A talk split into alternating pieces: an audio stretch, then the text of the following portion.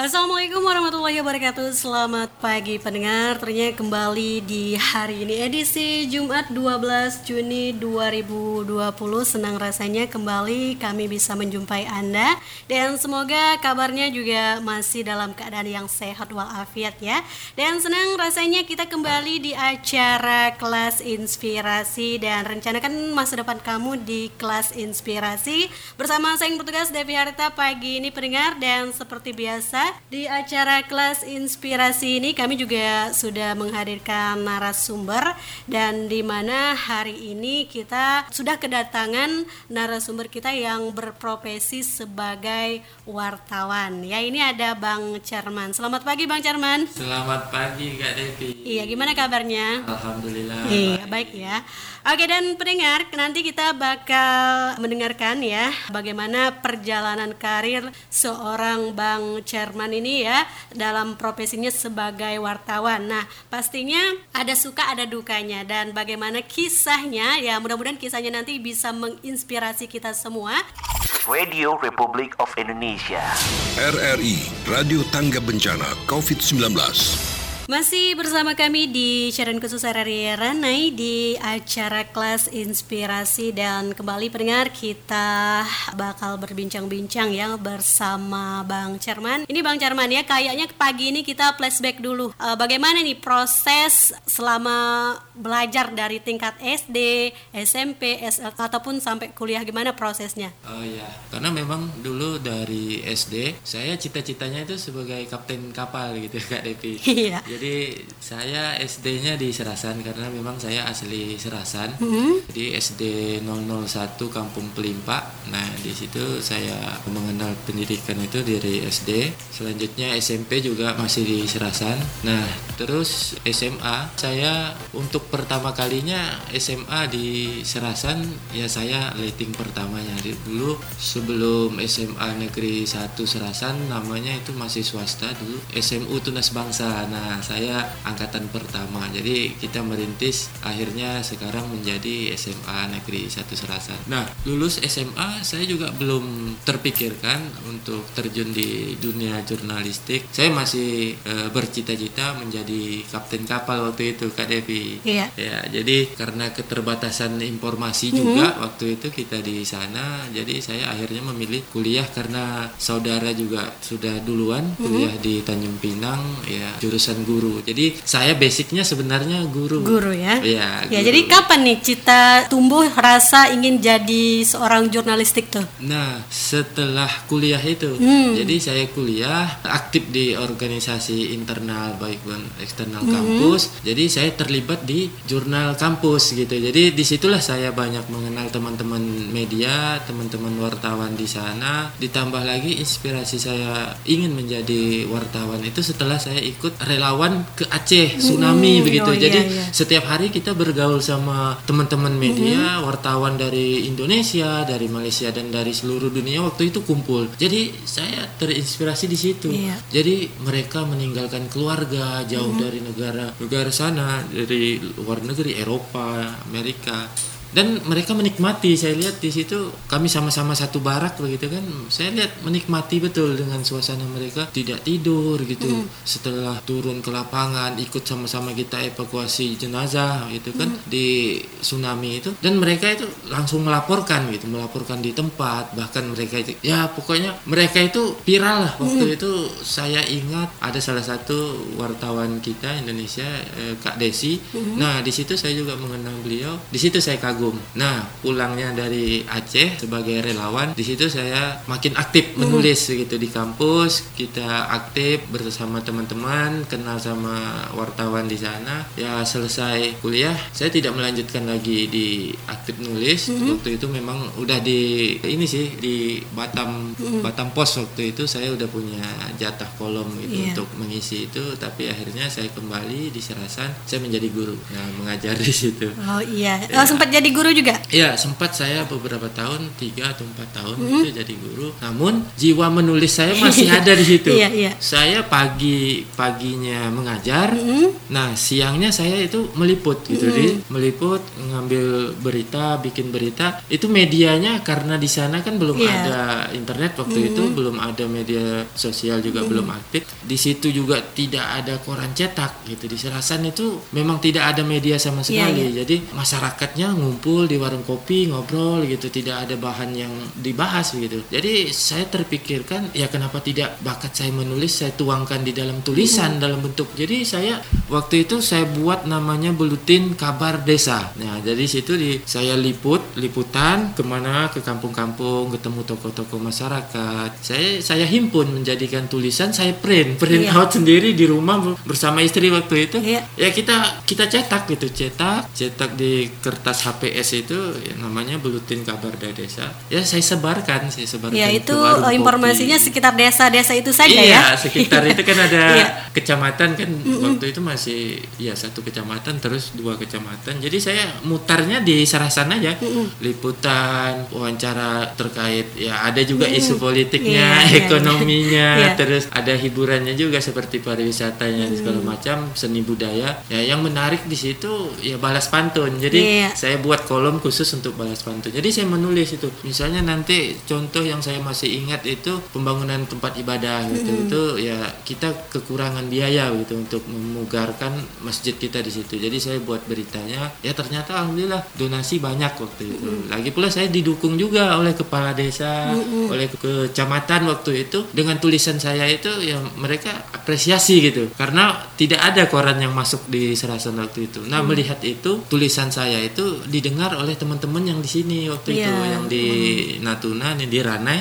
Akhirnya saya diminta terlibat juga dengan teman-teman waktu itu masih namanya koran revolusi. Ya. Nah, jadi dari mereka lah waktu itu eh, mensupport saya juga mengajak kerjasama dan mulai di situ aktif saya menulis. Nah waktu itu masih tetap mengajar tapi saya tetap sebagai guru. Nah setelah berapa lama saya aktif di revolusi time kenal lah itu waktu kunjungan DPRD provinsi di eh, Serasan. Saya kenal sama kepala biro Antara waktu itu. Jadi empat hari beliau di sana. Jadi kita ngobrol dan beliau juga lihat profil saya unik gitu. Loh kok bisa bikin media sendiri gitu dengan ide kreatif yang menurut beliau waktu itu ya cukup dengan HPS saya bikin sendiri saya edit sendiri saya sebarkan sendiri. Jadi beliau tertarik. Ya, Ayo. itu untuk proses ya yang dilakukan Bang Cerman sama istri nih ya untuk Ya. eh, ngeprint sendiri, nyebar sendiri itu berapa lama nih? itu cukup lama juga hampir dua tahun ya dua tahun itu edisi yang pertama sampai hari ini saya masih simpan kenang-kenangan itu ya itulah yang membuat saya mengantar saya ke yang seperti sekarang ini aktif di memang betul-betul jadi wartawan resminya Antara gitu nah jadi berkunjung kepala biro Antara dari Batam ke Serasan waktu itu itulah kesan beliau dengan semangat saya Iya, itu iya. menurut beliau Iya. ya jadi akhirnya saya ditawarkan untuk bergabung di Antara waktu itu 2012 masih belum bersedia saya masih saya masih menikmati profesi saya sebagai guru di sana di Serasan ya saya menulis tetap aktif membantu teman-teman dan saya juga diminta bantuan untuk ya perwakilan eh, Antara juga di sana perbatasan ketika ada sesuatu yang penting gitu. Jadi di situlah aktif 2012 itu aktif saya membantu Revolusi Time dan Antara. Jadi waktu itu masih hanya telepon SMS termasuk akhirnya ada beberapa kunjungan pejabat di sana bupati. Kenal juga sama rekan-rekan RRI waktu Iya, itu. akhirnya saya juga di- dipanggil gitu. Ikut pelatihan juga pelatihan jurnalistik di sini di RRI saya angkatan tahun berapa ya itu? 14 2014 kalau nggak salah. Nah dimulai dari situlah saya juga membantu aktif di antara aktif di RRI pernah juga live gitu.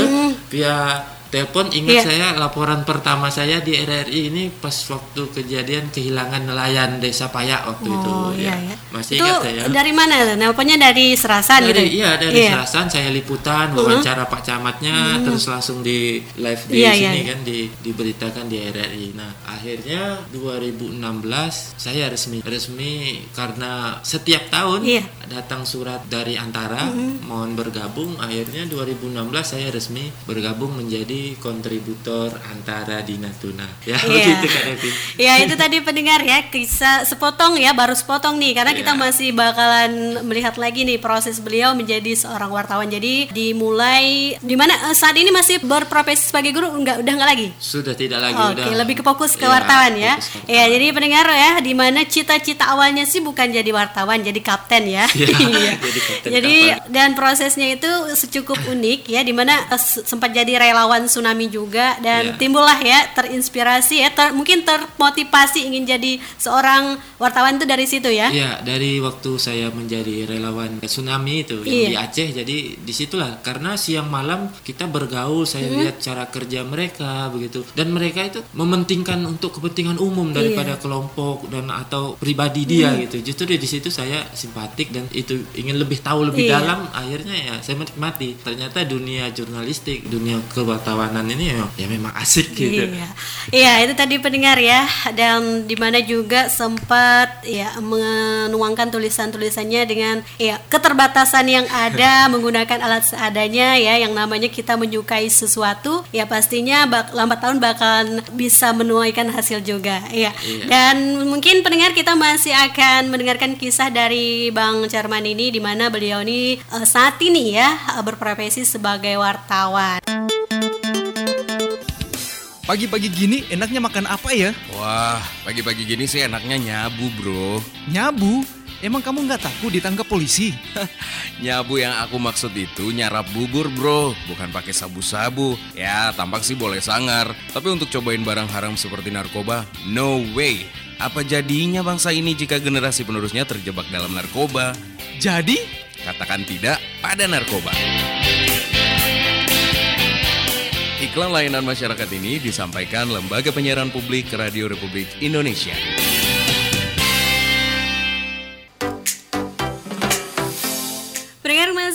Bersama kami di acara kelas inspirasi rencanakan masa depanmu di kelas inspirasi. Dan tadi kita juga sudah mendengarkan ya kisah dari seorang Bang Chairman di mana beliau berprofesi sebagai jurnalistik ataupun wartawan ya selama proses yang namanya kita ingin menjadi sesuatu itu pastinya butuh modal ya seperti pendidikan. Nah, bagaimana nih eh, pendidikan Bang Chairman ya mungkin eh, ke segi pembiayaan dari SD, SMP, SLTA-nya ataupun hingga biaya kuliahnya itu seperti apa nih, Bang? Ya, kalau untuk SD, SMP sampai SMA ya kita memang masih ditanggung orang tua ya Kak. ya.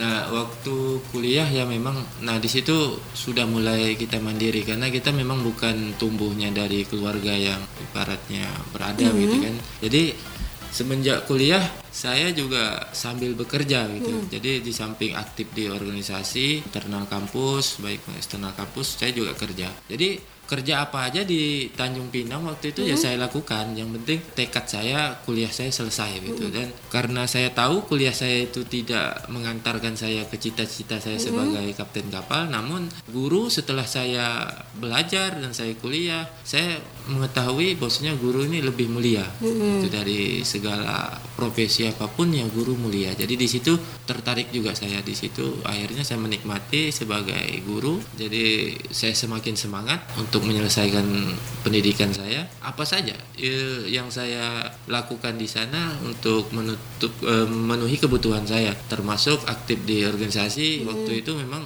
letting-letting saya di Natuna banyak yang kenal juga. Ya akhirnya kita tinggal di asrama. Memang terbantukan juga dengan eh, pemerintah daerah waktu itu menyediakan kita asrama. Selanjutnya saya juga tinggal aktif di organisasi HMI jadi di saya di situ akhirnya saya memang kit- punya tempat sendiri gitu. Karena sekretariat kami itu aktif kegiatan. Nah untuk biaya yang lainnya kak sebagai biaya semester dan segala macam ya terpaksa harus bekerja keras. Termasuk buruh kenapa Iya. tidak? Itu pernah saya menjadi buruh di Pelantar 2 Tanjung Pinang itu ya, jadi buruh kasar gitu ya angkut barang dari kapal ke pelabuhan Iya. terus nanti ke gudang ya itu saya lakuin kalau misalnya kuliahnya siang ya saya kerjanya malam Iya. kalau misalnya masuknya malam ya saya ambil shiftnya siang gitu itu pun saya kerjakan gitu di samping itu juga waktu itu belum selesai saya kuliah sudah ditawarin juga di bank waktu itu ada program untuk konservasi terumbu karang. Jadi di situ saya tertarik eh, untuk menutupi biaya kuliah saya, saya ikut di situ juga. Di samping kuliah saya aktif di LSM waktu itu. Ya kita sosialisasi tentang pentingnya terumbu karang waktu itu. Jadi di situlah saya terbantu sangat sangat terbantu dengan biaya akhirnya saya tinggalkan kerja yang tadi Kasar yang tadi ya. kasar tadi. Saya membina masyarakat Bintan waktu itu yang di sekitar sana. Masyarakat Bintan turun ke Linggak termasuk di Batam gitu. Jadi kita aktif di situ. Akhirnya ya di situ juga bersentuhan dengan kembali lagi dengan dunia Iya, jurnalistik iya, gitu. Jadi teman-teman saya di sekitaran eh, program itu ya juga jurnalis gitu, para wartawan. Jadi kita selalu bincang, selalu publis kegiatan kita itu di media cetak waktu itu. Jadi semakin kenal lah saya dengan apa namanya dunia jurnalistik ini. Nah, waktu itu kita ngadakan banyak kegiatan dan melibatkan jurnalistik. Ditambah lagi dikuatkan tadi Iya. waktu saya relawan di Aceh semakin kuat. Nah setelah itu saya pelajari jurnalistik dan guru nih ternyata ya sama pentingnya. Bahkan eh, jurnalistik ini bagian pilar kelima kalau boleh kita katakan di Republik ini gitu kan. Di samping ya Sampaikan informasi ya ya. eh, Pancasila Undang-Undang 45 itu NKRI Bhinneka Tunggal Ika ya termasuk jurnalistik adalah pilar eh, kebangsaan. Jadi di situ saya juga semakin mendalami ternyata peran pers atau jurnalistik di Indonesia pada masa kemerdekaan cukup sangat sangat penting gitu. Dari ya kita tahu bersama tokoh pers eh, nasional kita Bapak Tirto Adi Suerjo. Nah, beliau yang mendiri pers di Indonesia, itulah penggerak nasionalisme, semangat kebangsaan pada waktu itulah semakin saya semakin kagum gitu. Jadi pada posisi saya di dua sisi yang berbeda itu kakak. Jadi di samping saya profesi sebagai guru, tetapi jiwa saya itu udah Iya. udah lebih ke jurnalistik gitu. Akhirnya makanya saya guru ya di situ juga saya menulis. Sempat galau juga ya. Iya sempat galau memilih antara dua ini, tapi saya yakin saya jalani saja. Tetapi lebih diarahkan memang mungkin memang sudah jodohnya gitu, lebih dimudahkan di jurnalistik. Apa saja itu berjalan mengalir begitu saja dan akhirnya ya sampai hari ini saya nikmatin betul. Jadi saya berpikir tugas saya kalau saya mengajar itu edukasinya eh, di ruang lingkup kelas begitu sama anak-anak murid saya. Kenapa tidak? Itu saya aktif di eh, jurnalistik sebagai wartawan. Edukasi juga yang Iya. lebih luas bahkan untuk masyarakat umum dan saya semakin meyakinkan diri saya bahwasanya inilah dunia saya dan saya sangat cinta dengan dunia, eh, dunia kewartawanan jurnalistik setelah saya melihat di situ juga ada moto pes berkualitas masyarakat cerdas. Nah, tadinya saya mencerdaskan masyarakat melalui kelas-kelas Iya. di sekolah, ya kenapa tidak gitu. Dengan sumbangsi tulisan saya, pemikiran, terus ya fungsi saya sebagai kontrol sosial, ya kenapa tidak gitu. Kita kembali ke moto pers berkualitas masyarakat cerdas begitu kakak. Jadi sampai hari ini saya nikmatin dan saya jalani peran itu. Iya, itu tadi pendengar ya. Jadi sempat membuat galau juga antara milih jadi guru ataupun uh, wartawan ya. Iya. Iya. Dan apa pun itu pilihannya adalah uh, tujuannya untuk mencerdaskan bangsa Indonesia juga. Iya, nah, tentunya jadi kalau itu tadi cerita tentang bagaimana proses pendidikannya nih dan cara Bang Cerman mengatasi hambatan ya. Jadi yang namanya juga kita masih jiwa muda ya. Betul. Nggak menutup kemungkinan kita juga pengen kayak teman-teman yang lain bebas gitu ya. Bagaimana nih cara mengatasi hambatan uh, selama kuliah gitu? Ya kalau untuk kuliah saya tentu banyak banyak Iya. kendala. Itu itu lebih kepada banyak bergaul saja sih kak kita curhat ke teman-teman terus kita juga dekat sama dosen terus intinya semangat semangat karena saya pikir di kampus mana pun kalau memang kita serius menjalankan perkuliahan kita dosen juga tahu gitu. Dosen tahu kondisi kita teman-teman kita juga tahu kita bagi waktu bagi waktu untuk di mana kita mengejar, mengerjakan tugas dari dosen begitu juga dari mana kita bekerja gitu jadi intinya memang banyak bergaul sih waktu masih kuliah itu ya kita bergaul sama dosen juga kita bergaul kita kita ya konsultasi lah perbanyak konsultasi. Jangan kita menghindar masalah. Justru masalah itu tidak akan selesai kalau kita hindari. Saya apa pun persoalan seberat apa pun ya saya hadapi dan saya selesaikan secepat secepat mungkin. Karena setelah semakin banyak persoalan, semakin banyak masalah, semakin matang gitu ya, untuk terus menjalani hidup begitu kakak. Nah, iya. Jadi namanya kita di masa-masa kuliah itu ada pastinya ada rasa jenuh ya dengan apalagi uh, sebagai bancarman ya jadi selain kuliah juga harus kerja Iya. rasanya pengen nyerah gitu pernah nggak sih ada rasa pengen nyerah aja deh di antara itu ya mau kerja ataupun menyerah dengan kuliah ini gitu Iya pernah saya frustasi ibaratnya sudahlah mungkin tidak ada nasib saya untuk melanjutkan kuliah ini ya tetapi dorongan semangat dari teman-teman tadi Kak. Iya. karena saya aktif di organisasi jadi termotivasi. Jadi di situ hilang capek gitu. Karena kita memang dikasih support sama teman-teman sama dosen juga.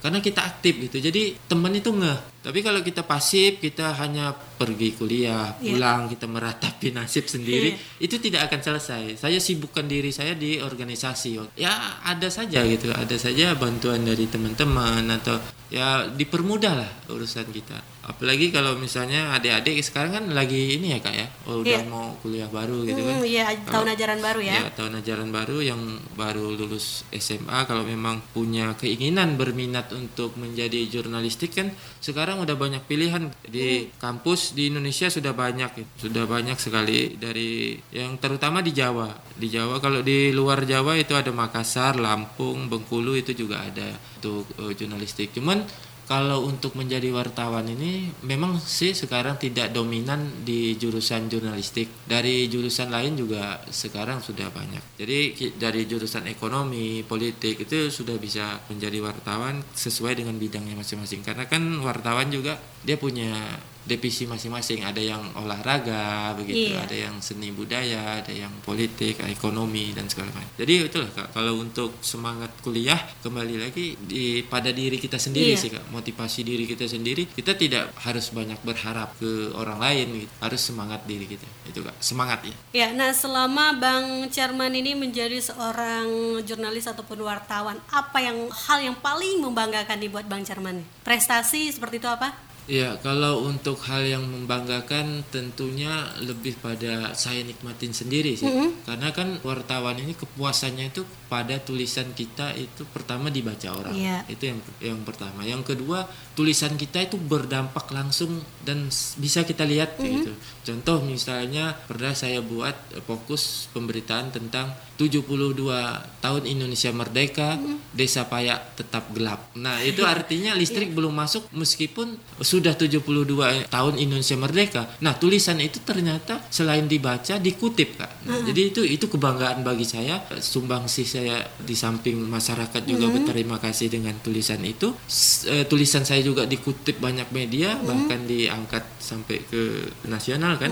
Begitu juga dengan karya-karya foto karena kan wartawan tidak hanya menulis, Kak. Iya. Seperti kami kan di sini selain menulis di situ juga ada berita foto, berita video dan begitu juga dengan kegiatan yang lain. Itu jadi kepuasannya di situ. Saya ingat yang buat saya bangga itu ya itu Kak. Saya mengangkat eh, tema 72 tahun Indonesia Merdeka, Desa Payak tetap gelap. Nah, itu banyak dikutip. Iya, sindiran halus ya. Iya. Iya. Dan akhirnya saya diundang oleh desa bersangkutan. Ya kita lihat hasilnya waktu perdana begitu, tiang listrik dipasang, mereka bisa menikmati listrik. Ya saya diundang gitu. Ya inilah hasil karya perjuangan kita. Memang waktu itu tidak sebentar. Iya. Walaupun tulisan saya itu udah kesekian kalinya, tapi paling tidak kita berusaha gitu. Iya. Kita fokus. Memang niat kita untuk eh, menyuarakan suara masyarakat ya itu kebanggaan tersendiri bagi saya. Iya, itu tadi pendengar ya. Jadi setiap hal yang membanggakan buat Bang Charman adalah saat tulisannya itu bisa dihargai ya.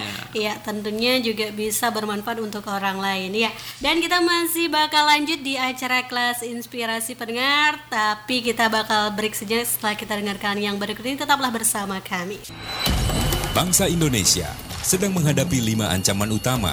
Ancaman krisis moral, ideologi, jati diri dan ketahanan nasional. Ancaman faham radikalisme, ancaman narkoba, korupsi, gaya hidup hedonisme, dan konsumerisme. Ancaman hoax, konflik horizontal dan perpecahan, ancaman disrupsi digital, lapangan kerja yang terbatas, dan pemerataan kesejahteraan masyarakat. Gerakan Bagimu Negeri sebuah gerakan yang diinisiasi oleh para inisiator yang memiliki visi dan keprihatinan yang sama. Gerakan ini bersifat formal dan informal, lintas sektor, sehingga dapat diikuti berbagai elemen bangsa tanpa sekat birokrasi. Ayo bergabung dalam gerakan Bagimu Negeri. Ibu Pertiwi memanggil seluruh elemen bangsa.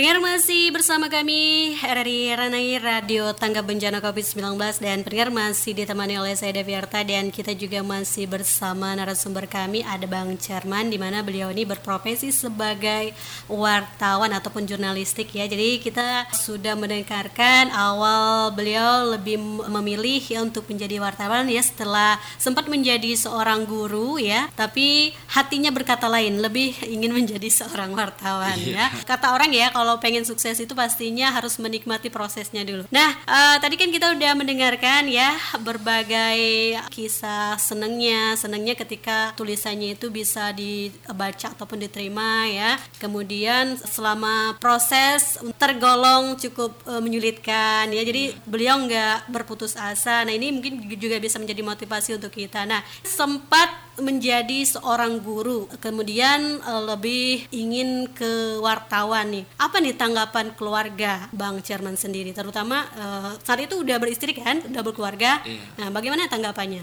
Ya alhamdulillah keluarga mensupport ya, keluarga mendukung Eh, apa pun yang menjadi keputusan saya pada saat itu ya keluarga semuanya mendukung. Karena keluarga tahu tidak bisa dipaksakan kalau memang jiwa kita sudah di situ, kan jiwa saya itu udah lebih cenderung aktifnya di wartawan, jurnalistik, kegiatan-kegiatan sosial masyarakat. Jadi keluarga juga udah melihat ya tidak bisa juga dipaksakan gitu kak. Memang akhirnya ya keluarga mendukung, mensupport ya sampai hari ini. Iya, kalau itu kan dari keluarga inti nih. Kalau untuk mungkin lingkungan sekitar, tangganya itu seperti apa nih responnya saat Bang Chairman ini lebih memilih ke wartawan? Ya awalnya dari keluarga dulu ya eh, istri mendukung akhirnya eh, timbul lagi tantangan juga eh, ibaratnya dari keluarga Iya. keli- sekitar gitu Iya. kan dari bibi dari keluarga yang lain.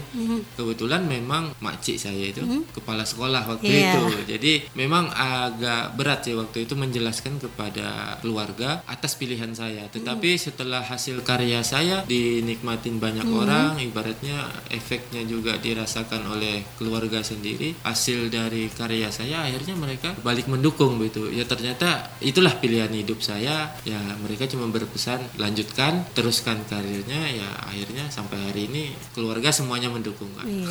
Nah, untuk selama berprofesi sebagai wartawan ini, Bang Jarman, ada nggak sih eh, kesulitannya gitu? Apalagi eh, kita tahu ya, seorang wartawan itu kerjanya di lapangan ya, harus eh, mengejar narasumber seperti itu. Ada nggak kesulitan yang membuat Bang Jarman tuh kayaknya sulit juga nih menjadi seorang wartawan gitu? Iya, kalau awal-awal kita sulit memang, Kak. S- eh, apalagi kan sekarang udah media online gitu, Iya. kita harus kejar waktu, kejar tayang, sementara kita narasumber kita sulit didapat gitu, maksudnya sulit kita minta keterangan. Namun kesulitan itu belakangan ini ya semakin mudah kalau saya lihat karena kita sudah berbasis teknologi gitu, kita udah tidak harus bertatap muka, Iya. apalagi sekarang kan lagi COVID-19 ya kita tidak harus bertemu langsung. Kita cari keterangan ibaratnya mewawancara via eh, media sosial atau telepon kan bisa. Ya sekarang dipermudah. Cuman dalam hal peliputan dipermudah tetapi tantangannya justru sekarang lebih berat di, eh, ketimbang beberapa tahun yang lalu waktu masih media cetak itu kan poros informasi masyarakat masih ke media Iya. Nah, sekarang media sosial ini ini menjadi tantangan berat kita sebagai wartawan melawan berita hoak begini, Kak. Iya. Jadi sekarang masyarakat lebih senang baca judul Iya, pertama iya, itu, iya, iya. nggak Sampel lihat dulu isi, ya, iya. Kedua, masyarakat lebih tertarik di media sosial ketimbang media yang Iya. memang benar-benar eh, membaca begitu. Karena kembali lagi masyarakat kita memang masih belum rajin membaca, Kak. Masih menjadi PR kita bersama bagaimana masyarakat kita menjadi rajin membaca. Ada yang rajin membaca tetapi Bukan berita membaca ya. status gitu Iya. Oh, di media sosial. Jadi tantangan yang berat saat ini ya melawan itu kak, melawan kita mengcover itu Hmm. berita-berita di media sosial yang simpang siur ya kita itulah tugas eh, kami sebagai Hmm. wartawan menyajikan berita yang fakta benar eh, yang berkembang marak bergerak di media sosial itu tantangan yang berat kalau saya pikir untuk saat ini. Iya, itu tadi mendengar ya. Apa yang paling berat adalah memberantas hoax ya, di mana itu juga terkadang wartawannya juga disalahkan ya. Iya, bahkan kita wartawan sekarang memang dituntut lebih lebih ekstra bekerja profesional Kak. karena memang terkadang kita juga termakan isu di media sosial Iya. gitu. Nah, itulah tugas kami wartawan untuk memfilter mana itu berita benar dan mana itu tidak benar. Jadi kita jangan sampai terbawa arus di media sosial. Jadi tidak jarang kita yang menyajikan berita fakta karena viral di media sosial karena saat ini masyarakat menganggap yang banyak itulah yang benar gitu. Iya. Ketika seribu yang mengatakan itu benar, maka itu akan menjadi benar. Walaupun kita mengatakan benar, tapi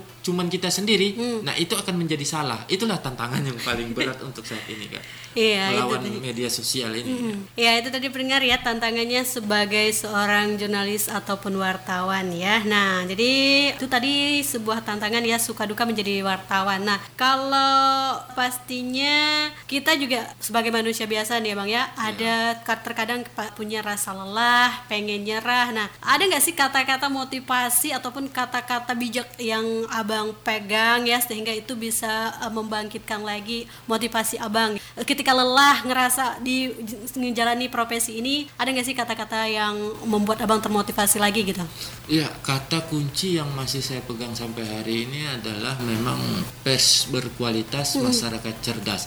Nah, itu yang selalu terngiang-ngiang di pikiran saya, bagaimana ini adalah tanggung jawab gitu, tanggung jawab dan pengabdian kita kepada negara. Karena bagaimanapun peran semua profesi itu kembali lagi pada diri kita sendiri. Kalau memang kita menikmati, kita merasa ini adalah tanggung jawab eh, bagian pengabdian bagi diri kita, profesi apa pun, baik itu wartawan, TNI, Polri, guru, tenaga medis, ya menjadi kita nikmatin gitu. Kembali lagi kepada fungsi kita. Kalau saya sebagai wartawan, saya pegang itu kata-kata pers berkualitas, masyarakat cerdas. Nah, bagaimana saya ini menjadi berkualitas gitu? Selalu menempa diri, menggali ilmu supaya saya ini karya saya berkualitas dan masyarakat bisa dicerdaskan. Begitu, Kak. Nah, jadi terkait profesi sebagai wartawan ini, nah terkadang kan kita sebagai wartawan ini juga mm, harus mengklarifikasi suatu berita. Nah, kita juga harus mengejar narasumber. Nah, ada nggak sih eh, terkadang eh, narasumber yang ngerasa bikin kita jengkel gitu, tapi kita harus tetap butuh dia gitu.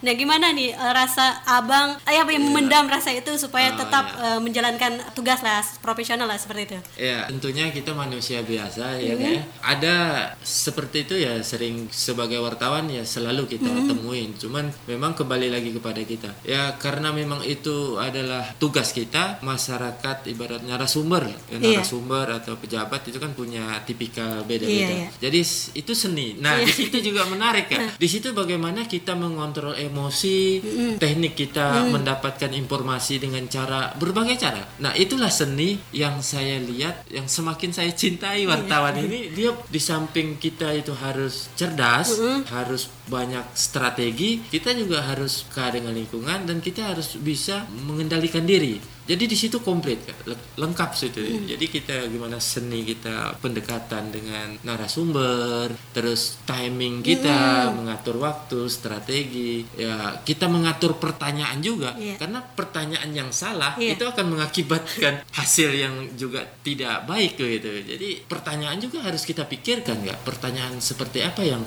yang membuat narasumber kita nyaman, terus informasi yang kita butuhkan itu dapat gitu. Jadi itu ada tekniknya memang seperti itu kak. iya, itu tadi ya eh, pastinya itu suka duka juga ya, termasuk suka duka juga ya. Iya termasuk suka duka cuman kelebihannya wartawan yang jurnalistik ini saya lihat dari profesi yang lain ya. Iya. Eh, kalau profesi yang lain itu lebih pada monoton gitu kan. Ibaratnya ritme kerjanya ya. Iya. Kalau misalnya di orang bank ya urusannya itu ya Iya. ekonomi gitu monoton. Tapi kalau wartawan bosan ini kita liputan tentang ekonomi. Ya kita liputan yang ringan-ringan entah itu kuliner, tempat wisata. Jadi wartawan ini memang kerjanya 24 jam kak. Siang malam itu tidak ada liburnya. Tetapi kita bisa bekerja sambil berlibur gitu. Iya. Ya kalau misal akhir pekan hari Sabtu ya kita mau jalan ke mana ya kita liputan tentang kuliner.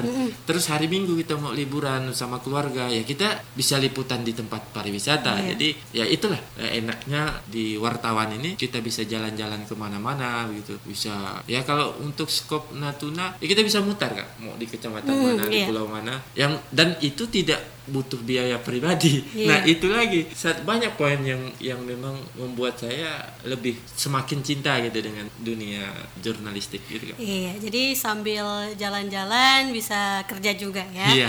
Nah, karena sudah di penghujung acaranya juga nih, Bang Jarman sendiri nih mungkin juga punya pesan ya untuk generasi muda ya yang sekarang nih supaya lebih berkualitas, apalagi ya mungkin eh, jangan takut untuk bermimpi kayak Bang Jarman tadi ya, menempuh pendidikan dari cita-citanya jadi seorang kapten kapal, ya sempat jadi guru dan bahkan sekarang berprofesi jadi wartawan. Iya, jadi pesan saya kebetulan memang saya juga putra daerah Natuna, jadi saya tahu betul lingkungan kita dari mulai SD sampai SMA. Diusahakan keluar dulu kita dari Natuna, kita lihat dunia luar, Iya. kita pergi di Jawa, Kalimantan, Sumatera, sampai Sulawesi, bahkan Papua. Saya sarankan adik-adik yang memang tamat SMA kalaupun tidak melanjutkan kuliah, berusahalah untuk keluar dulu dari Natuna, kita lihat kehidupan di bahkan negara orang, kita lihat kehidupan di sana supaya kita mensyukuri Kak, mensyukuri apa yang telah kita dapatkan. Ya, kembali lagi eh, akhirnya nanti kan kita bercita-cita mau jadi apa gitu. Setelah SMA mau kuliah ke mana? Kita kuliah itu untuk apa? Nah, kalau untuk mencari uang itu jawabannya satu, pengusaha. Tapi kalau untuk pengabdian kepada negara, kepada keluarga, kepada daerah kita, ya silahkan pilih profesi yang Anda sukai dan tekuni itu. Tetapi kalau memang Anda mau cari uang dan kaya, ya jadi pengusaha. Iya, itu tadi ya harus berani untuk melihat dunia luar ya. Iya harus berani karena itu perbandingan. Jadi kita Hmm. lebih ada perbandingan, ada motivasi juga. Ya mungkin nanti kita kan beda-beda. Nanti di dunia luar kita bisa melihat sebenarnya apa sih eh, jati diri kita itu nanti ketemu di situ. Ini juga ada nih, apa saran saran Bang Charman untuk Kabupaten Natuna jika belajar di sekolah? Ya kalau untuk saran saya ke karena Natuna masih zona hijau, tingkat SD, SMP, SMA saya pikir udah bisa dilaksanakan sebenarnya dengan protokol kesehatan tentunya. Karena kita lihat dari hasil pantauan saya untuk Ranai khususnya sebenarnya bisa. Mungkin protokolnya lebih ketat. Iya. Nah, kalau untuk di kecamatan yang lain saya pikir tidak ada masalah belajar di sekolah karena memang interaksi mereka baik di sekolah dan di luar sekolah ya lingkungannya itu-itu saja. Jadi sebenarnya saya pikir udah bisa dilaksanakan sih belajar di sekolah untuk Natuna. Iya. Nah, s- pertanyaan terakhir nih ya, apa nih kata ataupun tanggapan Bang Charman atas siaran RRI Ranai untuk sosialisasi pencegahan COVID ini, Bang? Ya sangat baik sekali saya apresiasi karena memang ini salah satu menunjang program pemerintah untuk awalnya untuk tetap di rumah ya kak ya terus belajar dari rumah. Ya. Nah ini sangat membantu adik-adik kita juga belajar di rumah banyak eh, ilmu yang mereka dapatkan dari siaran RRI. Nah terus pesan saya juga mungkin kesan atau kegiatan seperti ini karena ada juga informasi dari teman-teman yang di luar bunguran ya kalau bisa RRI menjangkau lebih jauh karena itu Iya. itu udah udah lama dinantikan terutama masyarakat Kak. Iya. ini saya sampaikan salam mereka Iya. karena mereka sangat ingin gitu RRI juga mengudara di Serasan gitu. Iya, mudah didengarkan ya. siap Ya, itu tadi pendengar. Kita mendengarkan kisah dari seorang Bang Cerman. Mudah-mudahan kelas inspirasi kita di hari ini bisa memberikan motivasi ya. Dan terima kasih untuk Bang Cerman yang udah hadir pagi ini. Iya, terima kasih Kak Devi Iya. sama-sama Kami ucapkan terima kasih. Sampai jumpa. Wassalamualaikum warahmatullahi wabarakatuh. Anda masih mendengarkan RRI Radio Tangga Bencana COVID-19.